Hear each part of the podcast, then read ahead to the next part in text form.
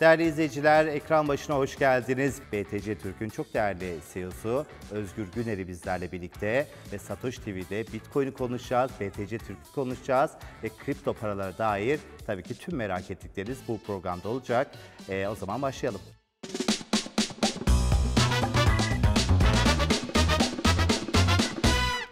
BTC Türk 10 yaşında. Biraz bununla başlamak istiyorum. Çünkü 10 yaşında demek Bitcoin zaten 14 yaşında. BTC Türk 10 yaşında. Ee, ve Türkiye'yi aslında Bitcoin'de tanıştıran e, ilk e, işlem platformu ve dolayısıyla da çok değerli bizler için. Özgür Bey hoş geldiniz. Hoş bulduk Murat, merhabalar. Hayırlı uğurlu olsun 10. seneniz Sağ ol, çok teşekkür ederiz. Ee, 10 yıl çabuk geçti bir yandan Ee, ama tabii bizim için çok kıymetli. Ee, 14 yıldır var olan Bitcoin'in 10 yılında e, burada olmak, e, kullanıcılarla beraber olmak, onlara hizmet sağlamak, bütün bu yaşadığımız inişli çıkışlı e, Bitcoin tarihine ki Kesinlikle. e, kısa bir tarih denilebilir. Ama bu 14 yılda başardıklarını, BTC Türk'ün de son 10 yılda başardıklarını düşündüğümüzde çok hızlı e, yol aldık. E, ama asıl heyecanlı konu gelecek 10 yıllarda neler olacak? Evet. Onu da ben de açıkçası heyecanla bekliyorum. Evet, çok başka bir ürün. Aslında finans piyasalarına dokunuyor ama diğer taraftan teknolojiyi kapsıyor. Daha fütüristik bir yönü olan da bir nokta ki siz geleneksel piyasalarda da çok e, sevilen, sayılan bir yöneticiydiniz ve bu tarafa geldiniz. E, çok böyle zorlandınız mı Özgür Bey? Yani Bitcoin'i Türkiye ile tanıştırdınız. E, teknolojisi çok başka. Dolayısıyla böyle birazcık e, sarsıldınız mı yoksa burada bambaşka bir noktaya mı geldi Özgür Güner'i? Ee, Aslında birçok açıdan e, bakabiliriz buna ama öncelikli olarak ben işimin çok fazla değiştiğini düşünmüyorum. Ee, Finans piyasalarında 30 yılı aşkın süredir çalışıyorum. En son e, Finans Invest'in CEO'suydum BTC Türkiye katılmadan önce. Ee, Orada da aslında geleneksel finansal e, ürünlere hızlı, güvenli, rahat erişim sağlamak için çalışan bir şirket e, Finans Invest. Yatırım e, şirketi, yatırım bankacılığı hizmetleri sunuyor. O anlamda bakıldığında BTC Türk'te yeni nesil finansal hizmetlere hızlı, güvenli, rahat erişim sağlamak e, amacını güden bir şirket. Aslında o anlamda bakıldığında iş tanımımda böyle çok inanılmaz değişiklikler Olmadı. olmadı, diye düşünüyorum. Ama tabii ki e, hem sektörün dinamikleri hem teknolojinin getirdikleri işte 7-24 olması örneğin e, çok başka boyutlar katıyor işe.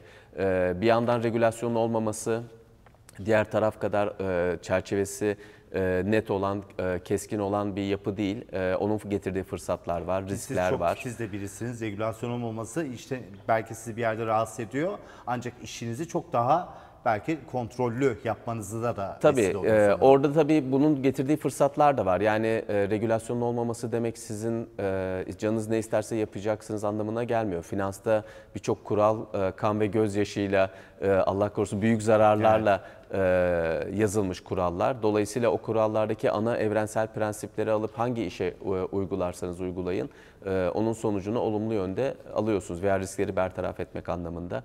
E, dolayısıyla hesap verilebilir olmak, şeffaf olmak, yaptığınız şirket içindeki tüm süreçlerde e, işi e, kontrol edenin, e, yapanın ayrı olması, güçlerin bir noktada ayrılması, e, bu sorumlulukların paylaştırılması gibi uluslararası e, prensipleri işinize uyguladığınızda regülasyonun olup olmaması aslında çok da bir şey fark ettirmiyor. Evet. Çünkü oturmuş e, finans dünyasında e, kurallar e, ve yapılmaması gereken e, konular var. E, onlara dikkat ettiğiniz sürece çok bir sorun olmuyor açıkçası. Evet kesinlikle. BTC Türk'ün 10 senesini değerlendirecek olursanız Özgür Bey, şu anda hangi aşamasındasınız? Yani ilk bir kendinizi anlatmak için herhalde uğraştınız değil mi? Bitcoin'i anlattınız. E, şu anda Bitcoin'i anlatmak zorunda mısınız? Ve şirketinizin gelmiş olduğu nokta nasıl? Bir taraftan da regülasyonun olmaması sizi böyle birazcık yoruyor mu? Çünkü Amerika'da özellikle işte kripto borsalarına olan bazı yaklaşımlar oluyor. İşte yasaklamalar ya da başka haberler geliyor. Dolayısıyla bir yerde insanın e, Türkiye'nin en büyük kripto borsası olduğunuz için hemen BTC Türk'le ilgili de belki e, yatırımcıları size soru iletiyor. Dolayısıyla e, çok büyük olmak çok büyük dertleri ve çözümü de gerektiriyor herhalde. Ee, bir kere hem e, ilk kurulan olmak, e, dünyada dördüncü, dördüncü kurulan e, Bitcoin borsasıyız, alıp Dünyada satım dört. platformuyuz. Türkiye'de ilkiz. Dolayısıyla adımızda hem BTC var hem Türk var. Ee, öncelikle bir kere sorumluluklarımız olduğunu düşünüyoruz. Ee, hem Bitcoin'e karşı hem e, Türk e, piyasalarına karşı diyeyim ya da Türkiye'deki kullanıcılarımıza karşı. Dolayısıyla bu sorumluluğun bilinciyle hareket etmek e, ihtiyacı ve e, bilinci içerisindeyiz.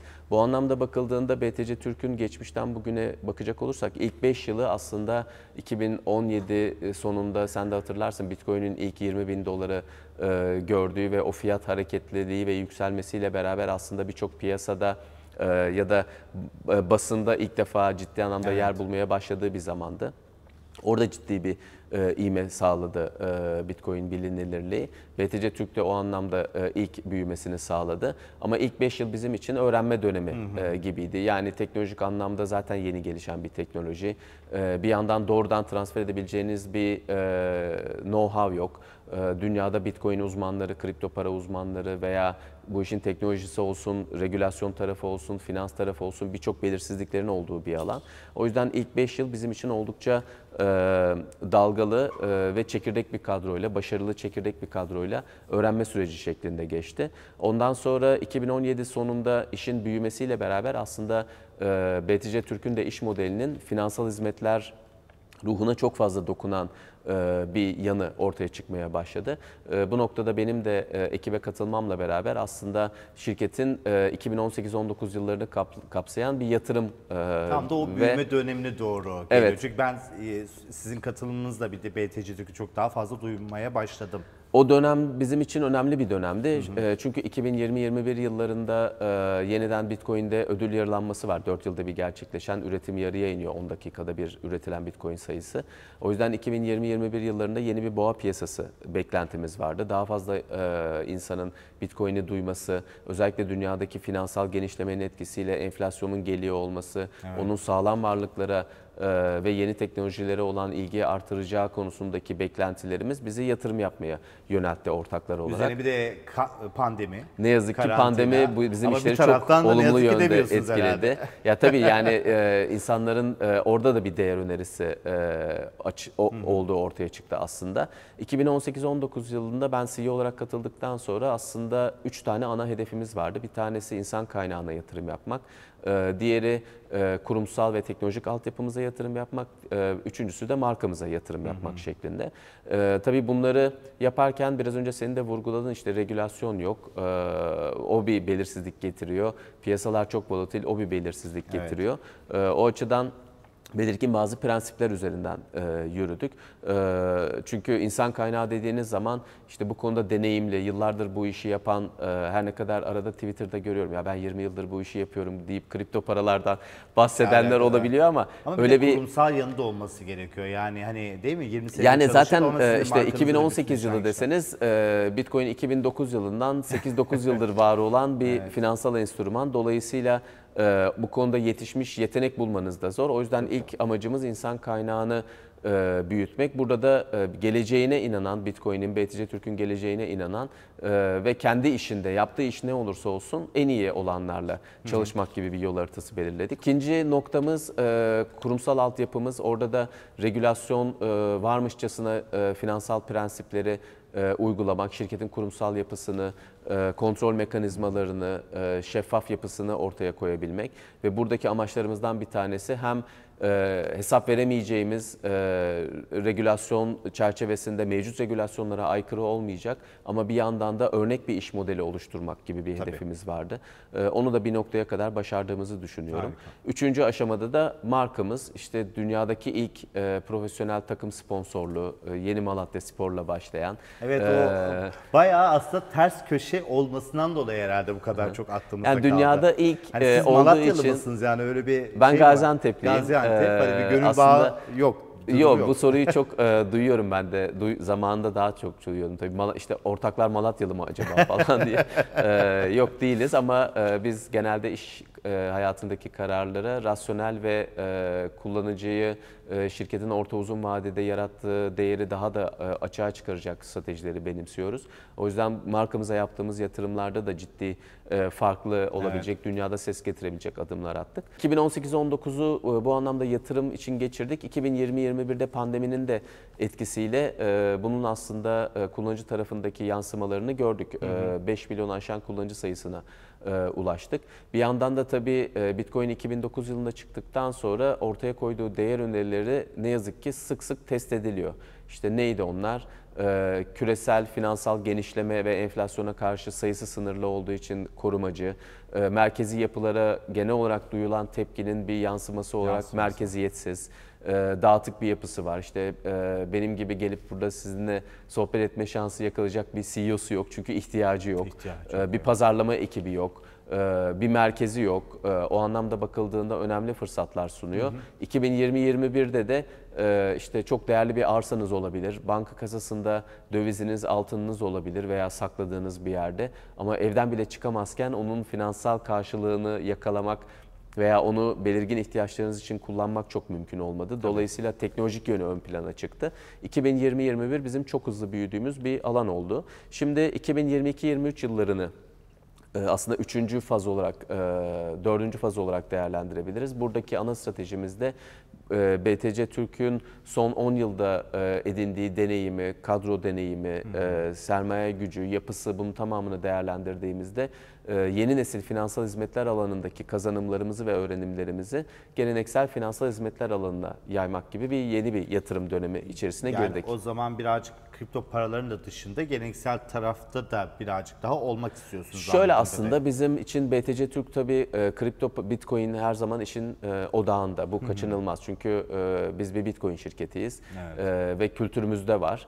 E, ama Bitcoin ve kripto paralardan öğrendiğimiz işte 7/24 kullanıcının yanında olabilmek, şeffaf olabilmek, Teknolojik her altyapı, teknolojik altyapıyı e, ölçekli bir şekilde e, Evet. sunabilmek. Bunları düşündüğümüz zaman e, geleneksel finans alanında da bu anlamda ihtiyaçlar olduğunu görüyoruz. O yüzden 2022-23 yıllarını bu anlamda yatırım için değerlendirip 2024-25'te de e, kullanıcılarımızın tüm finansal ihtiyaçlarını alışılageldikleri yöntemle değil de e, yine e, Bitcoin e, felsefesiyle, e, Bitcoin fel- evet. felsefesiyle işte 7/24 her an ulaşılabilen, şeffaf, e, ölçekli işlem yapabildiğiniz ve self servis sizi Hızlı hiçbir zaman için herhangi bir enstrüman, finansal enstrüman veya hizmet için satış ekibinin aramadığı, size herhangi bir yere zorlamadığı, Zorla e, hisse aldırılmadı. zorla hisse aldırmak, işte işte tavsiyede bulunulmadığı, ne zaman siz e, self servis bir adım Çok atmak istediğinde yanınızda aslında, olan bir deneyimle kesinlikle. Şimdi Özgür Bey, BTC Türk ailesi olarak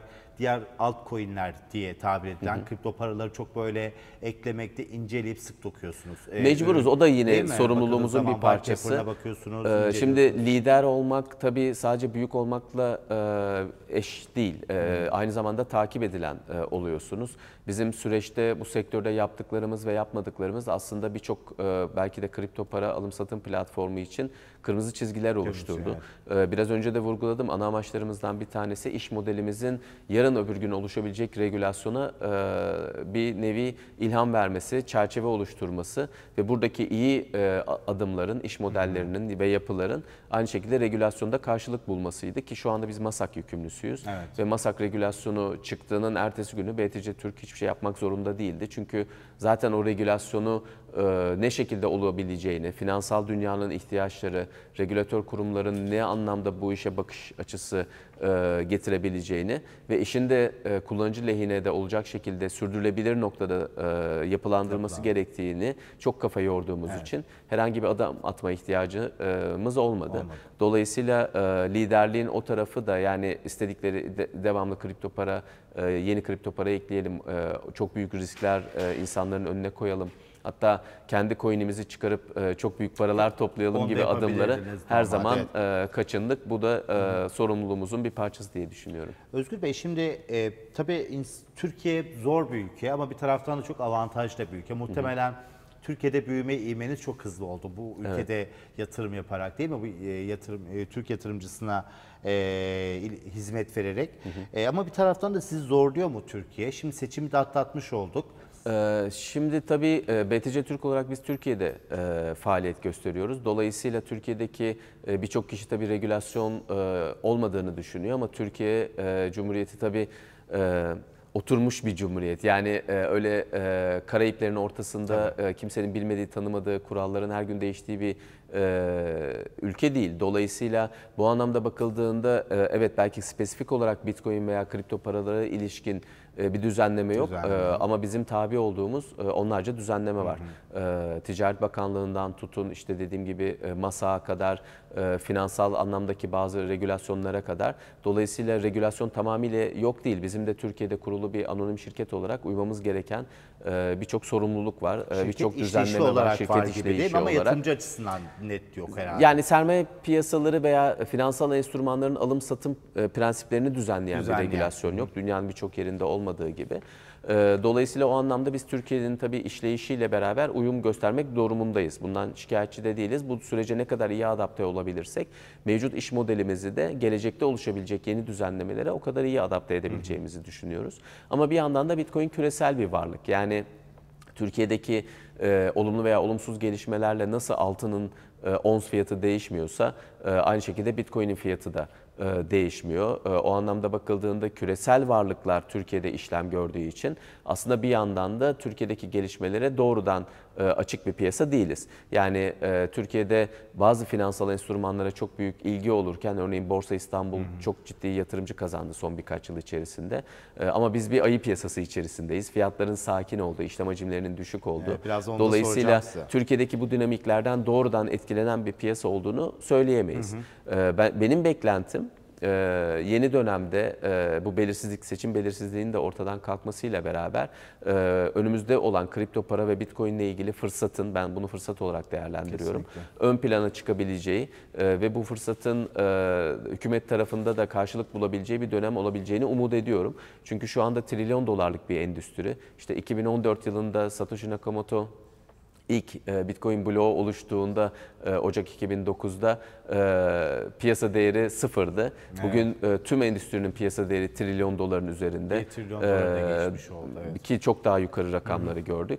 O yüzden e, küresel anlamda bu taraftaki fırsatı Türkiye'yi belki e, bu işlerde ön plana getirebilecek bir merkez olarak konumlayabilecek, sadece yerli değil yabancı yatırımcıların da burada rahatlıkla işlem yapabildiği, güven e, le, e, bu işlemlerini yapabildiği. gerçekleştirebildiği bir alan haline getirebilirsek e, buradan Türkiye'nin kazanacağı çok şey olduğunu Türkiye düşünüyorum. ekonomi modelinde herhalde di- diretseydik, devam etseydik birazcık bu regülasyonun daha çok yasaklayıcı bir regülasyon gibi e, belki düşünmek Ben ya zannetmiyorum, da riskli olabilirdi e, ama Murat, açıkçası. herhalde E, yani- biraz daha rahatlatmış olabilir. Şöyle çok paydaşlarla konuşuyoruz. Ee, tabii e, kamu tarafında da çok sayıda paydaşımız var e, işimizin doğası gereği. Ama bu anlamda bakıldığında ben Türkiye'de yasaklayıcı bir adım beklemiyorum. Dediğim gibi e, burası trilyon dolarlık bir endüstri. Çin bile e, yasaklayıcı adımlar işte geleneksel her yaz Çin'den bir yasaklama haberi gelir. Geçen sene mining'i yasaklamışlardı. işlem platformlarını yasaklamışlardı. dönemde Ama bugün geldiğimizde bir, evet. Hong Kong'u da tam tersi bu işlerin merkezi olarak konumlamaya çalışıyorlar. Amerika'da bir yandan son dönemde özellikle platformlara karşı ciddi bir e, regülatif evet. e, adımlar atılmaya çalışılıyor. Ama orada da e, Türkiye dünyadaki önemli platformlardan bir tanesini halka açılmak için izin verdikten sonra denip dönüp ya bu işler öyle olmuyormuş demek gibi bir lüksleri olduğunu düşünmüyorum. O halka arz olduktan sonra e, ben e, işlerin çok daha olumlu yönde gideceğini düşünüyorum. Kısa vadeli baktığınızda Bitcoin üzerine gelen çok sıkıntılı konular, kripto para endüstrisini sıkıştıracak konular var. Ama orta uzun vadede e, dünyada böyle bir yasaklayıcı trend e, beklemiyorum. Çünkü mümkün değil. Bu interneti yasaklamak gibi. Yapısıyla, ruhuyla alakalı bir şey değil mi? Yapamazsınız. Yani Evet. in- insanlar internete girebildiği sürece, dataya ulaşabildiği sürece, e, mobil e, cep telefonları cebimizde bilgisayarlarla gezdiğimiz sürece Bitcoin'i yasaklamak gibi bir şansınız ve imkanınız yok. Evet. O yüzden bence Türkiye'nin de e, bu bilinçle buradaki fırsatı e, Türkiye'nin lehine çevirebileceği adımları e, atacağını ben e, düşünüyorum ve inanıyorum. Umarım öyle hayal ediyorum. Çünkü e, yatırımcının parası burada kalsın, vergiler burada kalsın. Diğer türlü Hatta yabancı yatırımcının yabancı parası buraya gelsin. Evet, güzel Ee, olur. çünkü Hele dolara çok ihtiyacımız da var. BTC Türk e, Türkiye'den çıkmış bir e, kurum. Türkiye'de e, asıl faaliyetlerini sürdürüyor. E, ama markasıyla e, son 10 yılda yaptığı yaptıklarıyla dünya üzerinde de çok saygın bir kuruluş.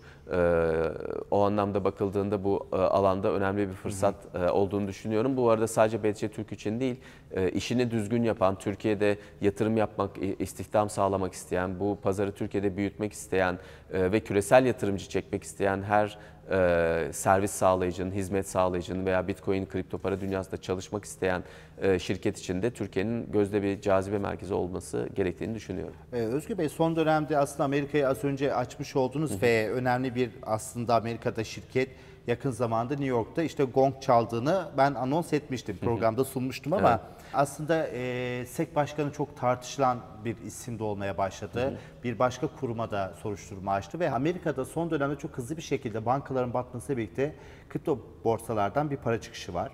Asya'dan da çok ciddi bir giriş var. Yani aslında Amerika'dan çıkan sanki Asya'dan e, tamamlanmış gibi durum var. Amerika'da neden böyle bir tablo var kripto borsalara karşı? Bir anda böyle sanki hani kılıçlarını kuşatmış oldu. E, doların hegemonyasıyla alakalı bir ilinti kurabilir miyiz acaba?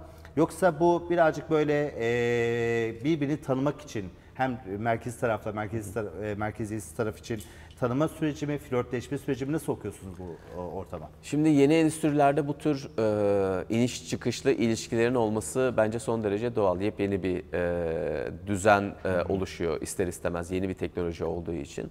E, ama Amerika tarafına özellikle bakacak olursak keşke FTX olayı yaşanmasaydı. Keşke işini düzgün yapmak isteyen, e, regülasyon isteyen, e, halka açılmış, Halka e, şirketlerin üstüne bu kadar gitmeden önce e, gözlerin önünde olup biten e, olaylara biraz daha yakından bakabilselerdi.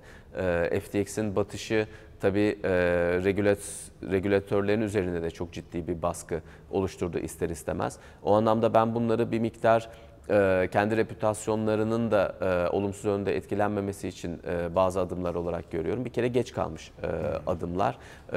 Adımları doğru bulduğum için söylemiyorum. Şunu anlatmaya çalışıyorum.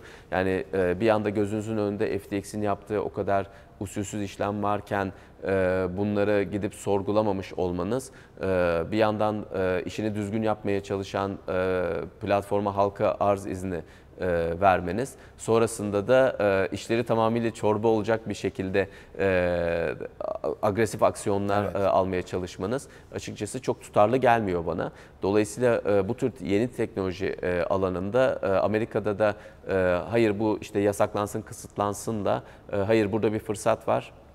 Bunu en olumlu şekilde değerlendirmeliyiz e, bakış açısının bir nevi sürtüşmesi olarak e, değerlendiriyorum. E, o yüzden ben e, orta uzun vadede kalıcı bir şekilde e, Bitcoin en azından özelinde diğer kripto paralarda da bazı adımlar veya konuşmalar işte e, olası dava süreçleri menkul kıymet mi değil mi konuşmaları var. E, ama Bitcoin'in e, bu mevcut yapısıyla Evet. sağlam kalacağını ve o anlamda da işini düzgün yapan hiçbir platformun, hizmet sağlayıcının e, sıkıntı yaşamayacağını düşünüyorum. Buna tabii bu anlamdaki sü- sürtüşmelere bir anlamda finans e, piyasası da etkili oldu. Yani Fed'in faiz arttırması etkisi kadar paranın rahat, kolay ve bol e, erişilebilir olmaktan çıkması bu sıkıntıyı bir miktar daha artırdı. Ee, ama bu genel finansın kuralıdır. Sen de gayet iyi bilirsin. İşler iyiyken işte hep derler ya Sorgulanma. parti devam ederken Merkez Bankası parti bitti demesi gereken e, şeydir diye. Bizde de öyle deniz e, çekilince işini düzgün yapmıyorsan e, o zaman bütün pislikler ortaya Evet. çıkmaya Bir başlıyor. bir suçlu sanki değil mi? Ya da bir algıyı da o tarafa doğru bir kaydırma. Mecburen yani aslında her şey çok iyiydi de bir tek e, bazı platformlar işlerini düzgün yapmadığı için bunlar Amerika'da olduğu gibi bir yaklaşım bankaların var. hataları değil mi? Çok büyük E tabii aslında. regülasyonun e, e, finans e, sektörünü A'dan Z'ye korumadığını biliyoruz. Yani Türkiye'de de e, 2000'li yılların başında 90'lı yıllarda e, batan çok banka oldu. E, Amerika'da hala her gün batan bankalar oluyor. Dünya üzerinde de böyle işte y- 100 küsür yıllık bankaları İsviçre'de en son UBS e, yani, kurtarmak evet, evet. durumunda kaldılar. Dolayısıyla aslında işinizi düzgün yapmanız, aldığınız riskleri e, iyi e, yönetmeniz e, ve her zaman işlerin çok iyi olmayacağını bilerek o sorumlulukla hareket etmeniz sizi birçok e, riskten koruyor. Koruyor. E, o anlamda ben e, başta Bitcoin olmak üzere bu anlamda çalışanların ister Amerika'da ister dünyanın herhangi bir yerinde çok sıkıntı yaşayacağını e, düşünmüyorum açıkçası. Biz endişeli değiliz yani BTC Türk olarak. Sosyal medyada bazen Twitter'da görüyorum işte örnek veriyorum bir kripto borsası Amerika'da herhangi bir işte regülasyona tabi olabiliyor ya da bir batan kripto borsa oluyor. O anda hemen izleyici, e, şey yatırımcılar e, sizin platformunuza yöneliyor ve o e, teknik bir donma olabiliyor. Bir saniye, iki saniye çok ciddi bir aslında e, yoğunlaşma da söz konusu olabiliyor. Çünkü bir örnek veriyorum e, e, FTX olayında bat- batan FTX'ten sonra e, herhalde milyonlarca kişi aynı anda Bitcoin'e erişmeye çalıştı. Yatırımcılar e, yani e, bir şekilde gönül rahatlığıyla işlem yapmak istiyor. Ona ne söylemek istersiniz? Ee, Şimdi işinizi gerçek anlamda hakkıyla yapıyorsanız ve finansal ana prensipleri hiçbir şekilde çiğnemeden düzgün bir şekilde e, gündelik hayatınızı devam ettiriyorsanız bu tür süreçler sizin açınızdan bir sıkıntı olmuyor. Nedir onlar? İşte kendi coin'inizi çıkarmadıysanız, kullanıcının zaten sizin olmayan varlığına haksız bir şekilde el uzatıp sağda solda çarçur etmediyseniz, Etmediyseniz. e, kullanıcının ister Türk lirası olsun, ister kripto parası olsun, kendi varlığınızdan ayrı bir şekilde olması gerektiği gibi e, takip ediyorsanız e, sizi gündelik hayatta rahatsız eden çok bir şey e, olmuyor. Biz güvenin e, böyle e, söylenerek veya kısa sürede kazanılmayan e, bir şey olduğunun farkındayız. Finans işindeki özellikle güven yıllar içerisinde kazanılabilen e, bir olgu. Ve her zorlukta durabilmek de değil mi? Kesinlikle Oluşan bir- öyle. Birçok Çünkü zorluk e, yani şimdi bizim işimiz teknolojiyle e, alakalı olduğu için siz hangi teknolojiyi kullanırsanız kullanın %100 e, performans veya %100 çalışmak diye bir şey yok. İşte illaki kesintiler oluyor. E, bunların bir kısmı planlı bakım çalışması oluyor. Bir kısmı beklenmedik e, kesintiler olabiliyor. Ama burada önemli olan e, aslında e, başınıza gelen olaylardan ziyade sizin o başınıza gelen olaylara ne şekilde tepki verdiğiniz, hazırlıklı olup olmadığınız. Biz de orada hep aynı şeyi yapıyoruz. Yani o gün FTX battığında bugün ne yapabilirim e, demeye çalışmanız e, çok geç oluyor. Öncesinde sizin işinizi düzgün yapmanız Evet. gerekiyor. Şimdi FTX ile ilgili şöyle bir örnek verebilirim. Biz 2021 yılı Eylül ayından beri sanırım e, bizdeki kripto paraların önemli bir kısmını e, dünyanın dört büyük bağımsız denetim şirketinden birine denetletiyoruz. Ve denetim sistemimiz şu şekilde çalışıyor. Geliyorlar bizim kullanıcılarımızın adına var olduğunu iddia ettiğimiz sistemden toplu rakamlara bakıyorlar, kripto paralara bakıyorlar. Onların toplam bakiyeleri gibi bir şey? Bakiyelerine Bakiyeleri bakıyorlar. var. Yani işte Murat'ın e, bir bitcoin'i, Özgür'ün bir bitcoin'i iki kişiden oluşuyor diyelim. İki bitcoin olması lazım. E tabii bitcoin'in e, sunduğu çok güzel bir değer önerisi var. E, o cüzdanın benim olduğunu biliyorsan sen e, dönüp orada iki bitcoin var mı yok mu kimseye sorma ihtiyacına Evet. gerek yok. Oradan da kontrol edebiliyorsun. Dolayısıyla bu bağımsız denetim şirketi her hafta geliyor.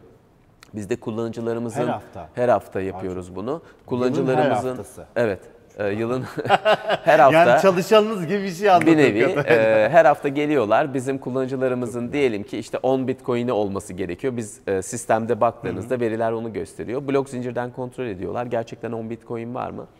Bitti gitti. Ama Yani biz onu zaten sıkıntı şeyden kaynaklanıyor değil mi? Yani internet sitesinde gösterilenle aslında arka Gerçek tarafta hayatta olan var mı, yok mu? e, Yatırımcının kripto Aynen parası öyle. az. Ee, siz bunu aslında peki yatırımcı bunu takip edebiliyor mu bu denetim Biz bu raporu haftalık olarak yayınlıyoruz. Ee, hem sosyal medyada hem web sitemizde Harika. rahatlıkla ulaşılabiliyor.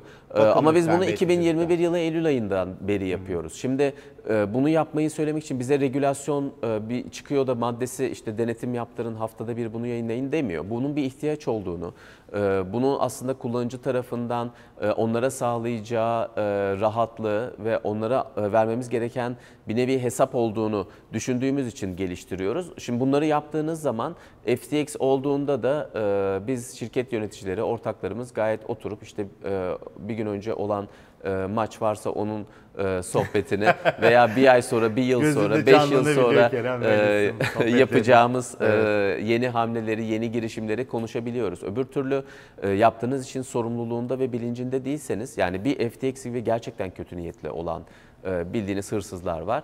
Bir de ne yazık ki sadece teknolojiye odaklanarak aslında finansal anlamda yapmamanız gereken adımları e, kötü niyet olmasa da e, yapan e, kişi ve kurumlar olabiliyor. Sonu hepsinin hüsran oluyor. Evet. Dolayısıyla ikisini de e, bilinçle çok e, uzak tutarak hem sorumluluğun bilincinde olmak hem ona uygun adımlar atmak e, BTC Türk'ü 10 yıldır var olan bu inişli çıkışlı e, hayat hikayesinde hala e, ayakta tutuyor.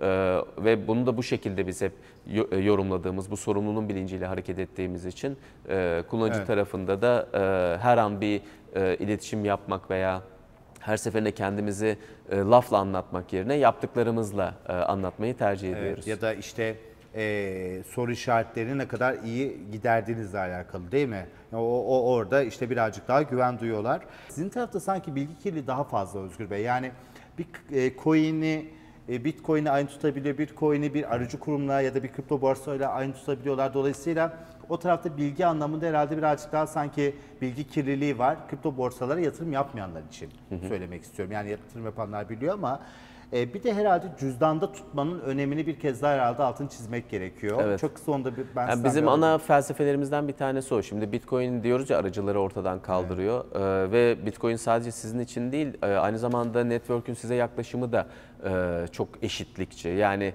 işte Tesla'nın milyar dolarlık Bitcoin'i var veya MicroStrategy'nin yüz binlerce Bitcoin'i var. Onun e, onların tuttuğu cüzdanla içinde sizin e, sadece 100 Satoshi'nin olduğu cüzdanın network açısından bir birbirinden farkı yok. Biri birinden daha değerli, biri işte VIP müşteri cüzdanı, biri normal cüzdan değil. Dolayısıyla Bitcoin'in sunduğu en önemli değer önerilerinden bir tanesi kendi varlığına kendin sahip çıkabilmek.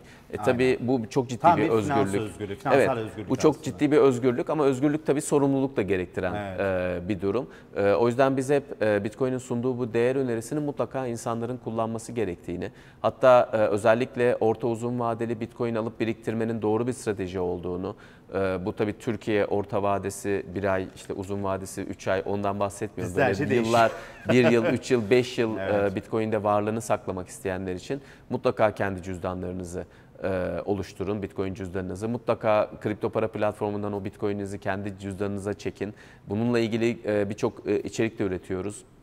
Soğuk cüzdan nedir, nasıl kullanılır, burada ne tür güvenlik adımlarına dikkat etmek lazım.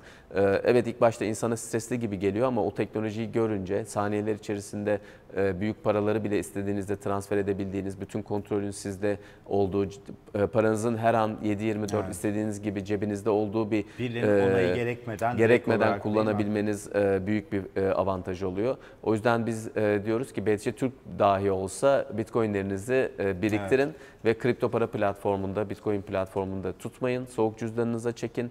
İhtiyacınız olduğunda e, TL'ye, dolara, euroya, Japon dönmek isterseniz dönersiniz. platforma e, gelin. Çünkü onun sunduğu e, özgürlük gerçek, gerçekten hiçbir şeyde yok.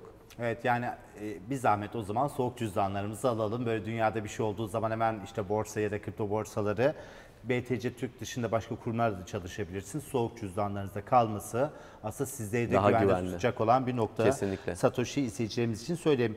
Doların çok yükselmesi, dolar tetar işlemleri vesaire çok konuşuldu. Kapalı çarşıda da doların fiyatı da farklıydı.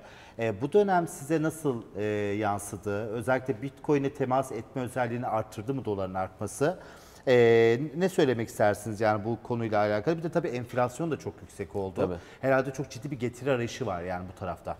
Şimdi enflasyon özellikle e, dünyada kısa zamanda yükseldi. Bu anlamda çok hızlı yükselen enflasyonun örneğini çok fazla görmedik. Türkiye'de de 90'lı yıllarda e, enflasyon tabii e, yüksekti e, ama hep yüksekti. Böyle %10'dan e, 60-70'lere doğru yükselen bir enflasyonu Türkiye'de de daha önce ben en azından yaşamamıştım. Bu anlamda bakıldığında e, kısa vadede enflasyonu e, hızlı bir şekilde e, yakalayacak enstrümanları bulmak çok kolay bir şey değildi. Paranın da erimemesini bir yandan tabii arzu ediyor insanlar tasarruflarının.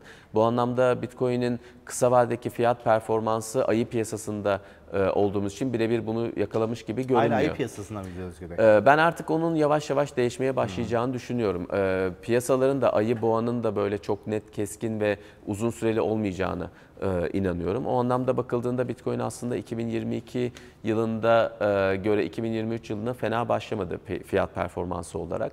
E, Ama orta uzun vadede ben 2024 e, 2023'ün ikinci yarısı 2024 yılında fiyatın da e, olumlu bir yönde seyredeceğini düşünüyorum. Bizde tabii Tether fiyatı sadece Türkiye'deki dolarla birebir örtüşen bir yapıda hareket etmiyor. Yani Dünyada Bitcoin fiyatı dolar bazında hızlı düştüğünde bizde Bitcoin satmayı çok tercih etmiyor kullanıcılarımız. Dolayısıyla fiyat yukarıda kalıyor. O yüzden Tether yükselmeye başlıyor ki dolar bazında o arbitraj imkanı ortadan kalksın. Çünkü fiyat anomalisi olduğunda 7-24 rahatlıkla arbitraj yapabiliyor kullanıcılarımız. O yüzden Tether'i doğrudan Türk lirasıyla eşlemek doğru değil belki. Ama bir Ee, ama yansıması yansıması Evet. E, olabiliyor. Ben e, ayı piyasasının e, sonuna doğru geldiğimizi ama bu boğa piyasasının bir öncekilerden daha farklı dinamikler içerisinde ilerleyeceğini düşünüyorum. Evet, e, çok teşekkür ederim Özgür Bey. Şimdi o zaman Bitcoin bölümüne geçeceğiz Özgür Bey. Orada birazcık daha böyle eğlenceli sorular var. Biraz çok e, piyasa kısmına girmiş olduk ama umutlu Özgür Bey 2024'te daha iyi bir Bitcoin fiyatı olacak dedi. Daha ne desin? Bitcoin bölümüne devam edelim. Evet, BTC Türk CEO'su Özgür Güneri ile birlikte BTC Türk'ün hem 10. senesini kutluyoruz, hem Bitcoin'i konuşuyoruz, hem ülke hali, dünya hali derken Özgür Bey, Bitcoin bölümünde de böyle birazcık daha mizansel e, içeriklerimiz, sorularımız var. Hala en son aldığınız coin Bitcoin Evet. gerçekten de onun dışında başka hiçbir kripto para almadınız mı? Bu soruya hep evet diyebilirim çünkü BTC Türk'te düzenli alım diye bir e, özellik var. Ben çok seviyorum. E, her gün Bitcoin alıyorum.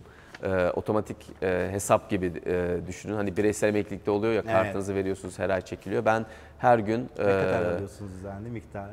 her gün e, 100 liralık Bitcoin alıyorum ve bunu sanırım 300 gündür yapıyorum. E, dolayısıyla e, Şu 300 çarpı 100, matematikte çok kötü Herhangi ama- bir gün bana yani yüzde 50 falan kardayım galiba. Her gün sabah 10'da e, benim adıma BTC Türk 100 liralık o anki piyasa fiyatı neyse işte e, indi çıktı ona bakmadan satın alıyor. Kafanız Güzel da yarı rahat, kafam rahat. Evet. e, tam biriktirmeye e, son derece uygun. O yüzden bana herhangi bir gün bir yerde gördüğünde bugün hangi kripto parayı aldınız diye sorduğunda cevabım otomatik Bitcoin. Bitcoin, olmuş oluyor. E, aslında her fiyattan almış oluyorsunuz ve piyasa ortalamasının da fiyatının da çok altta bir ortalamanız da maliyetiniz Kesinlikle. Bitcoin'e en iyi biriktirme yöntemi e, bu aslında. Evet. Ortalama fiyat e, yaparak. Yani riskli ürün, risksiz ürün hiç buralara girmeden düzenli olarak belli bir miktar yapabilirsiniz. Herkes cebine e, göre tabii yapabilir. Peki Özgür Bey yani 10 o, e, BTC Türk 10 yılında, 10. yılında e, bir şarkı olsaydı ne olurdu BTC Türk'ün şarkısı?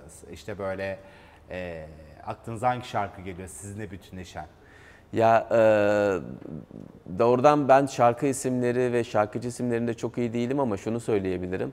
Geçen e, 10 yıl e, böyle biraz potpourri şeklinde geçti.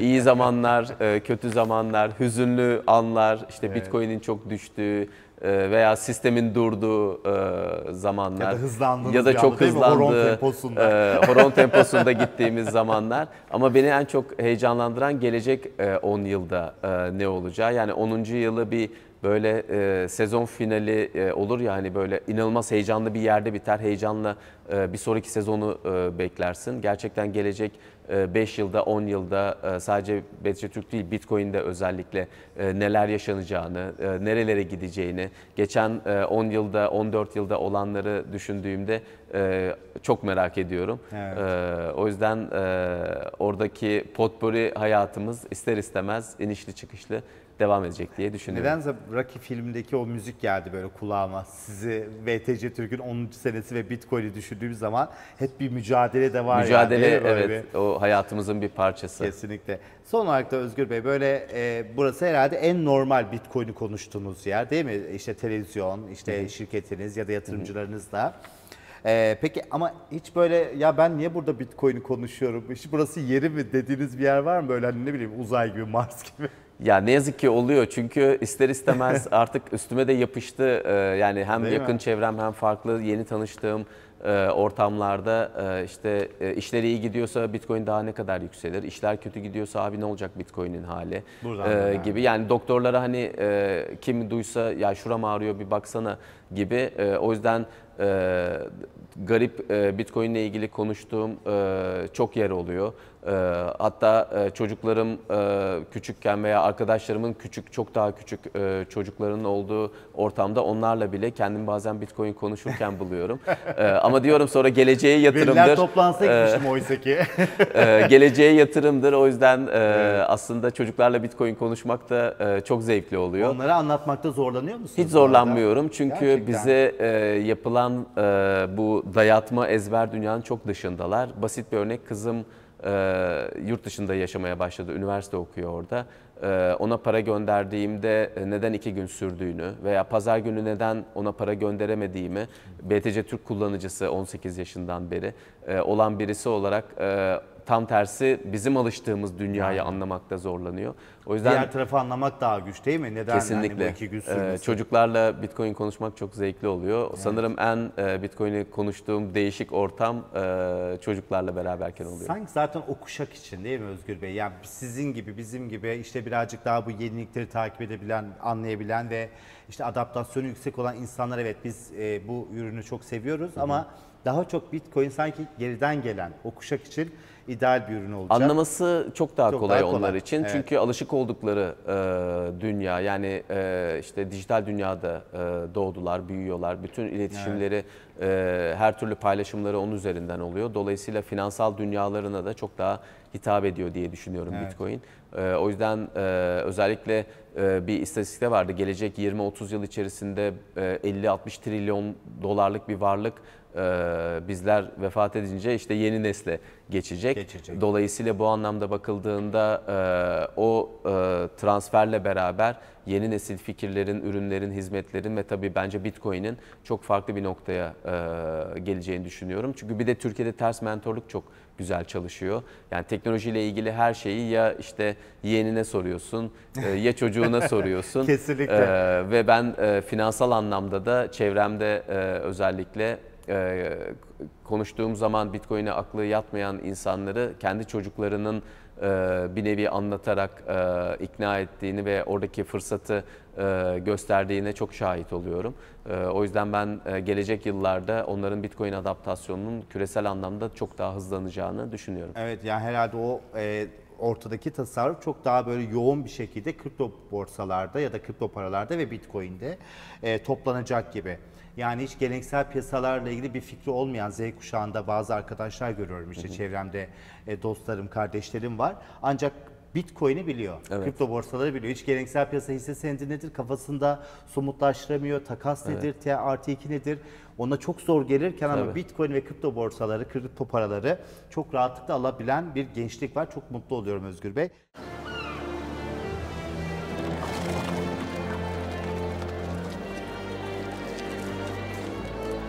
615 yıl önce dünyadaki ilk banka kuruldu. Finans sisteminde her şeyi değiştirdi. Eğer biz bugün bir banka olsaydık 610 ya da bilemediniz 600. yaşımızı kutluyor olurduk. Hem de bu toprakların ilk bankası olarak. Ya da telekom sektöründe olsaydık diyelim. Hello. Hello. Bu teknolojinin öncülerinden olarak bugün 130 yıllık tecrübemizle hizmetinizdeydik. Hello.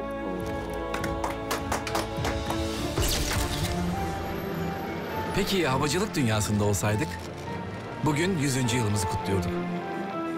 Tabii ki tüm yolcularımızı havalara uçurarak. To the moon. Ve bilgisayar. Bir bilgisayar markası olsaydık, 60 küsür yıldır çığır açan yeniliklerimizle hep yanınızdaydık. Peki, biz kim miyiz? Biz hem çok eski hem de çok yeniyiz. 14 yıllık Bitcoin tarihinde 10. yılımızı kutluyoruz. Türkiye'nin ilk Bitcoin alım satım platformu BTC Türk size ilkleri yaşatmak için var. BTC Türk, hep dahası var. E, nice 10 yıllara diyelim. Hani Çok birazcık teşekkür e, ederiz. klişe olacak ama gerçekten de e, Türkiye için bir değersiniz. Türkiye'ye Bitcoin'i tanıştırdınız. Bence bu çok önemli bir şey. Çünkü Türkiye'nin de bu dönemde bir hikaye yaratması gerekiyorsa bu dijital üzerinden olması gerekiyor ve blok zinciri üzerinden olması gerekiyor. Umarım siz de buna bir e, ışık olursunuz. Sağ ol Murat, çok teşekkür ediyorum. Ben de bu fırsatla bu 10 yıl içerisinde bizimle beraber olan bu süreçte bizi bizimle birçok şeyi paylaşan başta kullanıcılarımız, paydaşlarımız e, ama tabii ki e, beraber yol yürüdüğüm çalışma arkadaşlarım hepsinin çok emeği var. Onların hepsine kesinlikle. çok teşekkür ediyorum. E, onlar için de kolay değil.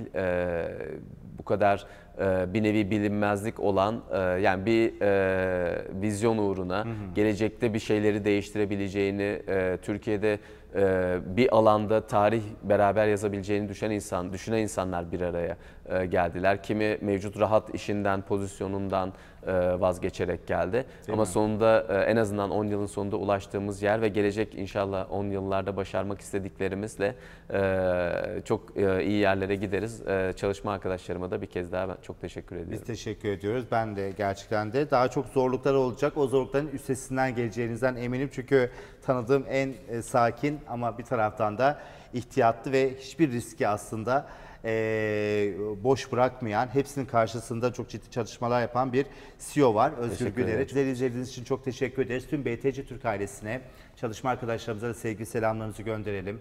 Hepsinin emeğine sağlık. Gelecek bölümde tekrar görüşmek dileğiyle. Hoşçakalın.